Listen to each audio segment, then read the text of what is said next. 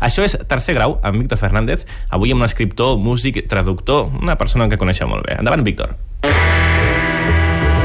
Martí Sales, com estàs? No, Sales. No, va, fem-ho bé. Martí Sales, com estàs? Molt bé, què tal, Víctor? T'han fet mai algun tercer grau? Quan vaig veure Dies Feliços a la presó el 2007, la Montse Virgili al Cabaret Arec. Doncs va, comença el tercer grau de Martí Sales. Martí, què pone en tu DNI? Uh, el meu nom, el meu cognom... Entre el meu primer cognom i el meu segon cognom hi ha una I llatina, que jo no sé exactament per què la vaig posar, perquè la resta de la meva família ja diria que no la té. Llavors és Martí Sales i Sariola. Però tu saps que això de què pone en tu DNI és una de les preguntes que més s'ha fet darrerament. Ostres, ja pensava que havia passat a la història, això. Segueixen preguntant això? Sí, és com de... És com, ara m'ha recordat el, el, jo què sé, l'independentisme dels 80s i la seva rèplica cutre, no? Però què van DNI? Què van DNI, no? Espanya, pues Espanya, ¿sabes? Vas votar l'1 d'octubre? Sí, sí. Tu què ets, eh, més obedient o desobedient, així de naturalesa? No sé, tu què et sembla, tio? Vull que els cabells llargs o curts? Curts, no? I ets més salta o més puta? Més puta, més puto puto, puto. Ara, les bogeries dels, dels excèntrics místics sempre m'han semblat molt, molt collonudes. I, bueno, va, eh, què penses dels Illuminati? Jo sóc més dels raelianos. Els raelians es fotografien sempre amb un dit cap amunt, com, com a assenyalar cap als estels, però també perquè si venen eh, els extraterrestres, que són els creadors de la raça humana, segons els raelians, que vegin que, que ell és un seguidor, que se l'ha d'endur amb ell, que amb ell no l'extermini, ei, escolta, que estigui aquí. Per què els podeu distingir si no sabíeu distingir un raelià d'un no raelià? A tu abduït els extraterrestres? Bueno, no, no ho puc dir. Martí, a tu com t'agradaria que et recordessin i com creus que et recordaran irremeiablement? Hòstia, no, no crec que em recordin a mi. Ah, bueno, doncs que s'hagi llegit alguna cosa meva, que li hagi molat, o que s'hagi escoltat alguna cançó dels Cirles i, i, i li hagi agradat. Has estat mai dins d'algun armari? Els armaris són divertidíssims per amagar-t'hi. Recordo armaris molt, molt, molt grans i, i amb molta olor de, de llençol antic i fusta antiga i clar, jo sempre he sigut baixet i poca cosa, llavors per amagar-me Joan ha fet i amagar per casa dels meus avis o així, era fantàstic tancar-te a un armari, uh, metafòricament no. Quina mandra. L'orientació sexual, pública o privada? Uh, tot, tot públic, és a dir, que, que l'orientació, és a dir, com, com dir-t'ho, uh, les coses han de ser evidents, o sigui, jo no faré cap esforç per amagar res, per què haig d'amagar res? Per què hauríem d'amagar coses tan uh, crucials i estructurals com l'orientació sexual d'algú? Uh, tu fas la teva vida i estimes i t'agrada qui t'agradi i vas pel món ben tranquil, així, i, has, i aquesta és una militància molt, molt maca per fugir de guetos i, i trencar tots els estereotips que s'hagin de trencar.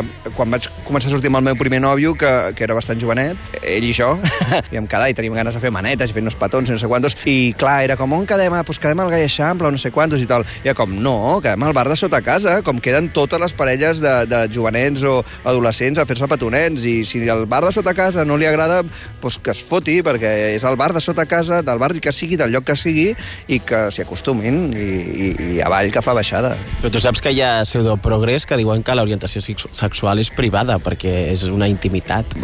Pseudo, ja ho has dit bé, pseudoprogres, no? En realitat hauria de ser criptofatxes. Tu ets tan alcohòlic com els escriptors que t'agraden? No, perquè jo tinc ganes de, de que em duri el, el fetge. Uh, M'agraden molt les drogues i per això me les prenc amb molt d'amor i intento que no, no fer-me'n un esclau, que llavors perden tota la gràcia, treure'n tot el suc, per tant, prendre-me-les amb, amb, molt, amb molta consciència, per poder-me-les prendre tota la vida. Jo crec que ens hem de drogar, com més grans siguem, més ens hem de drogar. Perquè el de drogar-se a la joventut és una cosa molt típica, que fa tothom, ai, sí, jo, ah, sí, als 23 em vaig prendre un tripi, però ara ja no, eh? ara que en tinc 40 no, perquè és una cosa uh, de, de joves i ara ja no, ai, quina por i no sé quantes. No, jo sí faria com una espècie de programa no obligatori, però incentivaria eh, de, amb, amb desgravacions fiscals o alguna així, eh, que la gent a partir dels 45 anys i, i més encara cap a 50, 55, 65 es prengués cada any com a mínim un quart de tripi i mitja pastilla. Per en recordar-se'n del que és perdre el control, enamorar-se del món, renovar-se les cèl·lules del cervell i el, el cos totes junts i abraçar desconeguts i, i ballar desaforadament i l'alegria de viure a través de les substàncies que t'alteren la consciència consciència. És la prescripció mèdica del Martí Sales. Tothom qui escriu és escriptor? Hòstia, diguéssim que tothom que se'n sent ho és. Jo, i potser, potser afegiria un tothom que s'ocorre ho és, uh, sigui reeixit o no. Algú que tingui consciència i que, que se'n senti, no? Perquè ja pot, pot haver molta gent que escrigui i no se senti escriptora, i llavors, per tant, jo diria que no, simplement ho fa servir com una com un, un exercici o un mecanisme. Jo crec que l'escriptura ha de ser conscient perquè es, es, es consideri un ofici. Última pregunta. Tu a qui ressuscitaries? Bueno, diré el primer que m'ha passat pel cap, sense eh, eh, en realitat pensar qui aniria millor per la humanitat, aquest tipus d'històries, no? Eh, Però el primer que m'ha passat pel cap és l'Oscar Wilde, per anar-me'n de canyes amb, amb ell. De canyes no, no crec que begués canyes, devia veure pintes. El, els, els anglesos sempre els ha semblat una mariconada, això dels quintos i les canyes. I el Wilde devia ser... Clar, la seva escriptura és tan enginyosa i tan divertida i tan intel·ligent que havia de ser un company de, de, de birres molt, molt divertit. A més, com que era tan alt, devia cridar molt l'atenció i segur que anar-te'n amb ell de canyes devia ser un cachondeu perquè tothom acaba, acabaria al seu voltant i ens explicaríem acudits. Sí. Doncs des de la plaça del Raspall, Martí Sales, moltes gràcies per aquest tercer grau. Gràcies, Víctor.